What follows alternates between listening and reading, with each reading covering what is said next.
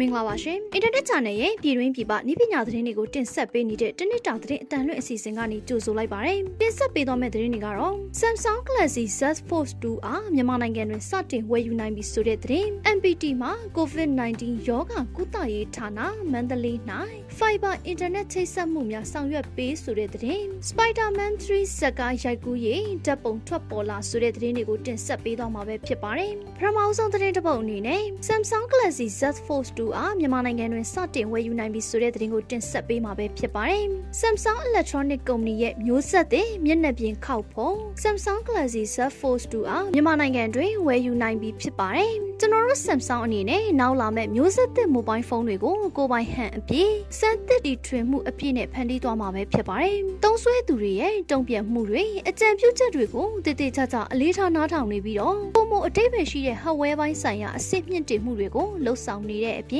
တစ်ချိန်တည်းမှာပဲပုံမကောင်းမှုနဲ့အတွေ့အကြုံတွေကိုရရှိသွားနိုင်စေမယ်စမ်းသစ်ဖန်တီးမှုတွေကိုလည်းယူဆောင်လာပေးဖို့အဆင့်တစိုက်လှုပ်ဆောင်နေပါတယ်။ ဒီအချက်ကိုအခုမိတ်ဆက်လိုက်တဲ့ Galaxy Z Fold 2 smartphone ကတက်တည်ပြနေပါတယ်။ Galaxy Z Fold 2မျက်နှာပြင်ခောက်ဖုန်းအသစ်ဟာတမူထူးခြားတဲ့ထုတ်ကုန်တစ်ခုဖြစ်ုံသာမကပဲနဲ့ကျွန်တော်တို့ Samsung အတွက်စမ်းသစ်တီထွင်မှုဆိုင်ရာသမိုင်းမှတ်တိုင်တစ်ခုလည်းဖြစ်တယ်လို့ Samsung မြန်မာရဲ့ Head of Business Group ဖြစ်သူကိုစာနီဝင်းထက်ကပြောကြားခဲ့ပါတယ်။ Galaxy Z Fold 2မှာ4500 mAh battery နဲ့အတူ Super Fast Charging စနစ်ကိုလည်းထည့်သွင်းပေးထားပြီးတော့ Samsung DH ဒိုးမဲ့ချိတ်ဆက်မှုစနစ်ပါရှိပါတယ်။ Ultra Wide Band နည်းပညာကိုလည်းထည့်သွင်းပေးထားတဲ့အတွက် file များဓာတ်ပုံတွေနဲ့ဗီဒီယိုတွေကိုနီးရဝိုင် share လှုပ်ဆောင်ချက်ကနေတဆင့်အလွယ်တကူမျှဝေသွားနိုင်မှာပါမြန်မာနိုင်ငံမှာသုံးစွဲသူတွေအနေနဲ့ Galaxy Z Fold 2 smartphone အား My Still Black အနက်ရောင်နဲ့ My Still Browns ဟူ၍နှစ်မျိုးရွေးချယ်နိုင်မှာဖြစ်ကဝယ်ယူသူတွေအနေနဲ့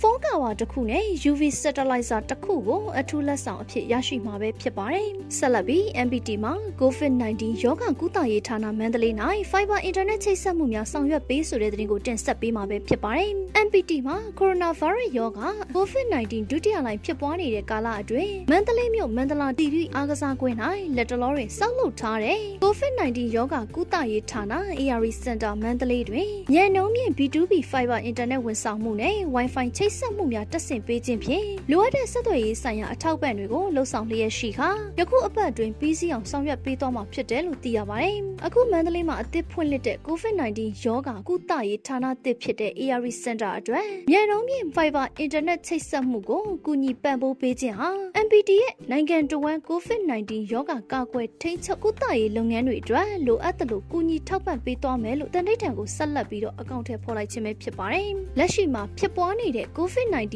ရောဂါအခြေအနေတွေကြောင့်စိတ်ချယုံကြည်ရတဲ့ Internet ချိတ်ဆက်မှုရရှိနိုင်ရေးဟာမြန်မာနိုင်ငံအတွက်အရင်ကထပ်ပို့ပြီးတော့အရေးကြီးတဲ့ကိစ္စရပ်တစ်ခုဖြစ်လာတယ်ဆိုတာကျွန်တော်တို့နားလည်သဘောပေါက်ပါတယ်။ဒါကြောင့်လေ MPT အနေနဲ့နိုင်ငံတော်ဝန်မှာသက်ဆိုင်ရာအစိုးရအဖွဲ့အစည်းတွေကျန်းမာရေးဌာနတွေလူမှုအဖွဲ့အစည်းတွေအပြင်မြန်မာလူမှုအတိုင်းဝိုင်းတစ်ခုလုံးနဲ့အတူတကွရွက်တည်ပြီးတော့အခုလိုခက်ခဲတဲ့အချိန်ကာလအတွင်းမှာအားလုံးအတွက်မရှိမဖြစ်လိုအပ်တဲ့ကူညီထောက်ပံ့မှုတွေကိုဖြည့်ဆည်းဆောင်ရွက်လိုက်တာပဲဖြစ်ပါတယ်လို့ MPT မှာစီးပွားရေးဌာနကြီးရဲ့အရာရှိချုပ်ဖြစ်သူကပြောပါတယ်။ MPT သည် COVID-19 ပထမလိုင်းကာလအတွင်း SMS ဖြင့်ပေးပို့လှူဒန်းနိုင်တဲ့အစီအစဉ်မှာ MPT သုံးစွဲသူတွေထံမှလက်ခံရရှိတဲ့လှူဒန်းငွေကျပ်300ကျော်နဲ့အတူ MPT မှထပ်ဆောင်းအလှူအဖြစ်ငွေကျပ်3000ကို COVID-19 ရောဂါကာကွယ်ထိန်းချုပ်ကုသရေးအမျိုးသားအဆင့်ဗဟိုကော်မတီထံသို့လှူဒန်းခဲ့ပြီးဖြစ်ပါတယ်။နောက်ဆုံးသတင်းတစ်ပုဒ်အနေနဲ့ Spider-Man 3ဇက်ကားရိုက်ကူးရေးဓာတ်ပုံထွက်ပေါ်လာဆိုတဲ့သတင်းကိုတင်ဆက်ပေးမှာပဲဖြစ်ပါတယ်။ Spider-Man 3ဇက်ကားရိုက်ကူးရေးဓာတ်ပုံတစ်ပုံထွက်လာပါတယ်။ Spider-Man တရုတ်ဆောင်